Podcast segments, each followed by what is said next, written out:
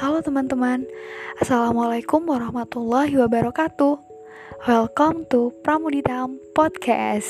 Ya, ini adalah podcast kedua saya. Setelah kemarin kita berkenalan, hari ini waktunya kita untuk bercerita. Nah, hari ini saya mau cerita apa ya? Um, oh ya, ini tanggal 26 Maret 2020 dan sekarang saya sedang di rumah aja. Karena ada kebijakan dari pemerintah dan kampus yang memerintahkan mahasiswa untuk belajar di rumah. Artinya di sini saya belajar secara online dan saya sudah melakukan belajar online ini dari rumah ini kurang lebih udah 15 hari cukup menyenangkan dan sangat uh, membosankan juga ya. Tapi nggak apa-apa lah. Mungkin teman-teman juga udah tahu kenapa pemerintah mengeluarkan kebijakan yang demikian.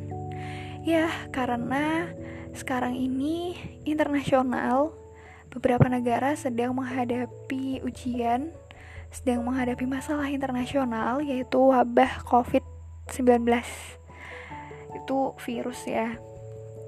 Dan uh, sebelumnya saya juga mengucapkan turut berbelasungkawa kepada keluarga korban korban dari wabah virus ini semoga diberikan kekuatan dan amal ibadah para korban ini diterima di sisi Allah Subhanahu wa taala. Amin amin ya rabbal alamin.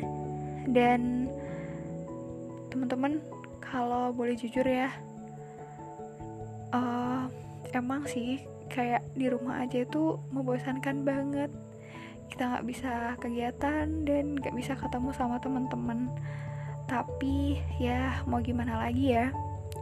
Kalau dilihat dari uh, sisi mahasiswa nih dengan adanya belajar di rumah ini mungkin uh, tugasnya tambah banyak atau uh, uang jatah bulanan berkurang dan nggak bisa nongki sama teman-teman ya kayak gitulah ya.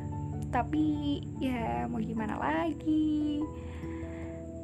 Kalau kita lihat nih emang sih COVID-19 ini membawa banyak pengaruh yang um, di, bisa dibilang cukup merugikan ya. Gak cuman dari sisi kesehatan aja dari sisi kesehatan yang mengakibatkan banyak korban, tapi juga secara ekonomi pun ikut berdampak. Kayak pedagang-pedagang kecil yang mengandalkan uh, pendapatannya, pendapatan mereka itu dari berdagang. Terus juga uh, kabarnya kurs rupiah juga turun. Terus kalau dilihat dari sisi negara pun negara juga banyak dirugikan dengan adanya wabah ini. Untuk itu, teman-teman, uh, kita sama-sama bantu pemerintah dengan cara mentaati kebijakan yang sudah pemerintah buat. Karena saya yakin bahwa uh, kebijakan yang sudah pemerintah buat ini pastinya mempertimbangkan banyak hal mempertimbangkan kesehatan kita, mempertimbangkan kebaikan kita dan kepentingan sesama, kepentingan kita bersama.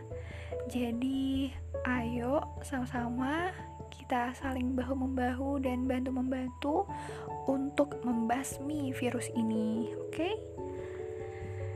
Dan tapi nih teman-teman, kalau yakin gak sih kalau misalnya Tuhan itu ngasih kita ujian ini pasti ada maksudnya pasti ada pelajaran yang kita ambil dari wabah ini. Kalau kita buka mata kita ya buka mata kita nih bahwa wabah ini tuh gak gak sepenuhnya membawa pengaruh negatif tapi ada hal-hal positif lain yang bisa kita ambil dari adanya wabah ini. Misalnya aja nih, kayak kita yang sebelumnya ini gak aware sama kebersihan, jarang mencuci tangan dan sebagainya. dengan adanya virus ini kita lebih aware sama kebersihan kita. Kebersihan diri kita lingkungan kita kita rajin cuci tangan dan kita jadi tahu nih gimana cara cuci tangan yang benar. Gak asal cuci aja. Kayak gitu ya.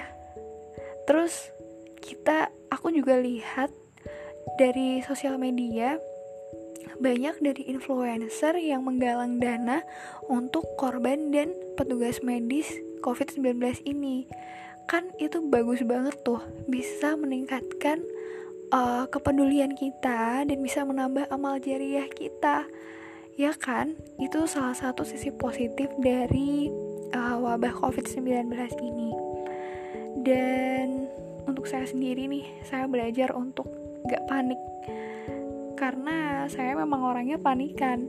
Dan dengan adanya virus ini saya mencoba untuk positive thinking mencari menca mencari dan memahami berita-berita bagaimana cara kita untuk bisa menjaga diri kita agar terhindar dari covid ini.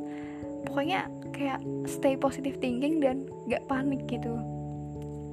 Oh ya dan dengan adanya virus ini nih saya rasa untuk para pekerja juga ada nih sisi positifnya.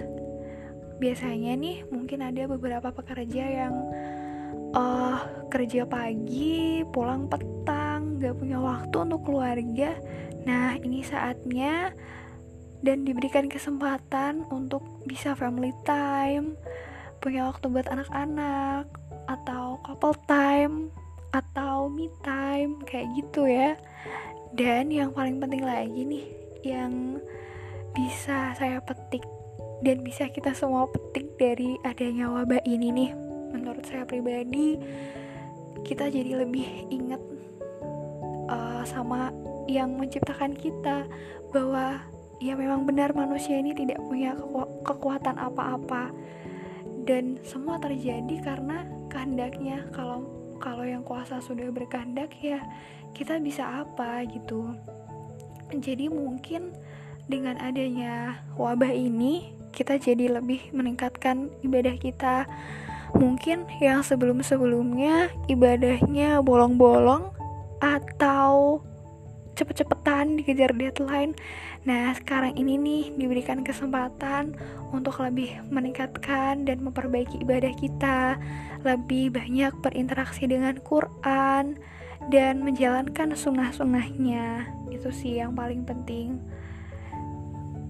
Um, jadi tadi ya uh, apa yang saya paparkan tadi adalah salah satu uh, hikmah yang bisa kita ambil dari adanya wabah ini. Jadi jangan menganggap bahwa wabah ini tuh hanya menimbulkan kerugian, tapi secara nggak langsung juga banyak hal-hal baik yang kita dapatkan untuk itu teman-teman uh, untuk yang menjadi korban dari wabah ini semoga kalian dikuatkan diberikan kesembuhan dan diberikan ketabahan dan uh, untuk para petugas medis kalian hebat kalian luar biasa semoga Allah membalas uh, segala yang kalian lakukan ini dengan pahala yang luar biasa. Dan untuk kita nih yang diberikan kesehatan, tetap jaga kesehatan, saling menjaga dengan social distancing dan uh, di rumah aja, menjaga kebersihan dan oh ya kita nih yang sehat-sehat ini juga nggak boleh mengucilkan uh, para korban covid ini. Karena kita gak pernah ngerasain apa yang mereka rasain ya. Harusnya kita malah saling mendukung dan mendoakan mereka bahwa uh, kita ada loh untuk kalian kita ngedukung kalian. Ayo sembuh kayak gitu ya. Dengan cara up dengan cara mendoakan mereka, memberikan dukungan mereka dan bisa juga dengan berdonasi nih. Karena yang saya lihat banyak uh, apa namanya influencer-influencer badan amal yang membuka uh, galang dana untuk korban covid ini. Wah luar biasa ya. Dan mungkin nih rekomendasi dari aku teman-teman juga yang mau berdonasi bisa lewat berbagai media misalnya nih ada salah satu platform kita bisa.com itu juga bisa dipakai untuk berdonasi. Dan ya sekian dari saya ya. Hmm, semoga dari ujian ini kita bisa melewatinya dan uh, bisa menjadikan kita manusia yang lebih baik lagi karena mungkin Tuhan itu memberikan ujian kita karena dia ingin mengetahui nih apakah setelah melewati ujian ini kita menjadi manusia yang lebih baik lagi atau malah sebaliknya wah jangan sampai ya Oke teman-teman, segitu aja podcast dari saya. Tetap jaga kesehatan ya. Oh ya, dan saya cerita kayak gini bukan berarti saya yang paling benar. Mungkin teman-teman juga punya perspektif lain. Jadi, uh, saya mohon maaf kalau ada kata-kata yang kurang berkenan. Sekian podcast dari saya. Sampai jumpa di podcast-podcast podcast podcast selanjutnya. Wassalamualaikum warahmatullahi wabarakatuh.